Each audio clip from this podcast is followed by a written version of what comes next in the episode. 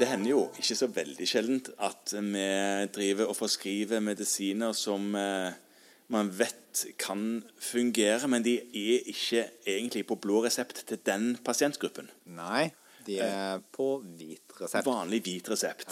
Eh, Vi har jo snakket om sånne ting flere ganger. Jeg kom på akkurat nå når vi satt her, så vi snakket om noen dopaminmedisiner for restless legs. Ja, ja. Sånne Og- ting. Og det får man ikke automatisk på blå. Sånn Nei, og da kan man gå inn i det har vi snakket om i en annen podkast, og det er den her legemiddellisten Ja. som ligger inne, der du kan gå inn og lese hva som eventuelt skal til for å søke det på blå resept. Ja. Og det man gjorde på den vanlige reseptformidleren tidligere, det var at man gikk inn på paragraf 3A, for eksempel. Og- Eller ikke for eksempel, man gikk inn på paragraf 3A. Og så trykte man på ny søknad. Ja. Og så fulgte man ut det litt krøkkete skjemaet som man møtte der. I datajournalen din, I tenker du. datajournalen min, ja.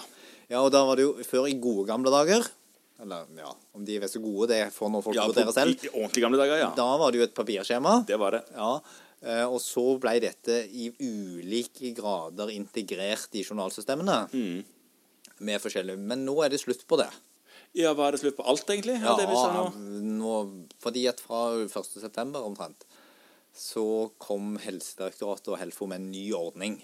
Ja, man har jo kunnet søke i e-reseptmodulen enda. Ja. Men man vil, eller myndighetene vil at vi skal over på denne nye ordningen. Det vil de. Nå vil de ha elektroniske søknader, og så er det nå da kommet inn en eh, elektronisk ressurs på nettet.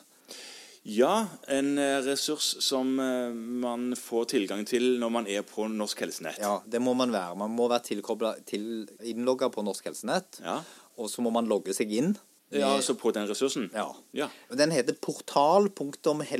portal.helsedirektoratet.no. Det var veldig offisielt. Ja. Det, ble jo nesten, det høres jo ikke nesten skummelt ut å gjøre Ja, det der. ja, og hvis du logger deg inn der, så finner du ut ting om deg selv. Gjør du det òg? Ja.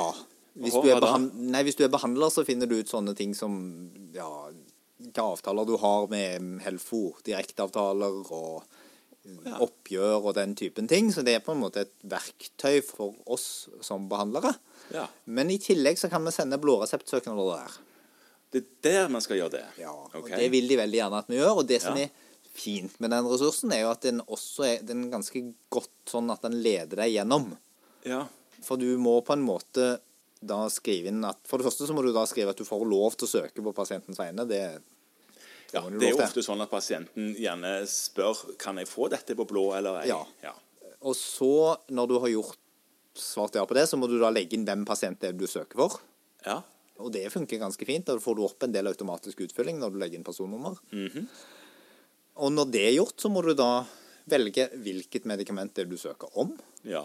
Og da vil skjemaet, fordi dette er et e-skjema som noen faktisk har tenkt litt grundig gjennom, så vil det på en måte geleide deg gjennom hvilke krav og kriterier som er for det medikamentet. Ok, så det blir mindre kluss da, kanskje? Altså du får større sannsynlighet for at eh, hvis du klarer å fylle ut, så får du gjennom søknaden? Ja, egentlig så er det faktisk sånn at hvis det er en sånn som ikke trenger særskilt vurdering av eh, faggruppa inne hos eh, Helfo, Ja. så får du den gjennom umiddelbart. ja.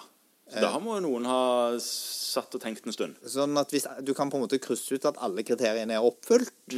Og hvis vi går tilbake til den legemiddellisten, så vet du jo hva det skal være. Mm. Du kan i alle fall ha anledning til å ha satt deg inn i det. Ja, Og sjekk det ut. Er det vits i å søke? Ja. Så får du den godkjent der og da. Eller du kan få den avslått der og da. Fordi du får jo ikke til å søke hvis du ikke kan krysse ut av at alt det du skal prøve, er prøvd. Eh, Sånn at du får veldig veldig rask saksbehandling. Dette er jo, det er jo ingen som sitter og leser den, så det er jo en datamaskin som tolker om dette er riktig eller ikke. Det er vel Sånn der, kanskje sånn der en AI det. Det er en AI, antagelig. Ja. Ja, og det som er flott med det, er at du får et svar der og da, sånn at du dagen etterpå kan sende pasienten på apoteket med beskjed om at nå er søknaden gått gjennom. Ja. Det går noen dager, står det. Det kan ta litt tid fra vedtaket er gjort, til pasienten blir informert om det. Da sendes det ut en melding i Helse Norge for de som er påkobla der, om at nå har du fått innvilget dette. Ja. Men du kan jo der og da med en gang få tilbakemelding om at den gikk gjennom, gitt. ja. Da kan du gi informasjon til pasienten om det. Får apoteket noen melding om det? Nei, men de kan hente det opp. De kan hente det opp. Ja. For det er jo ofte noen pasienter som sier men apoteket vet jo ingenting om dette.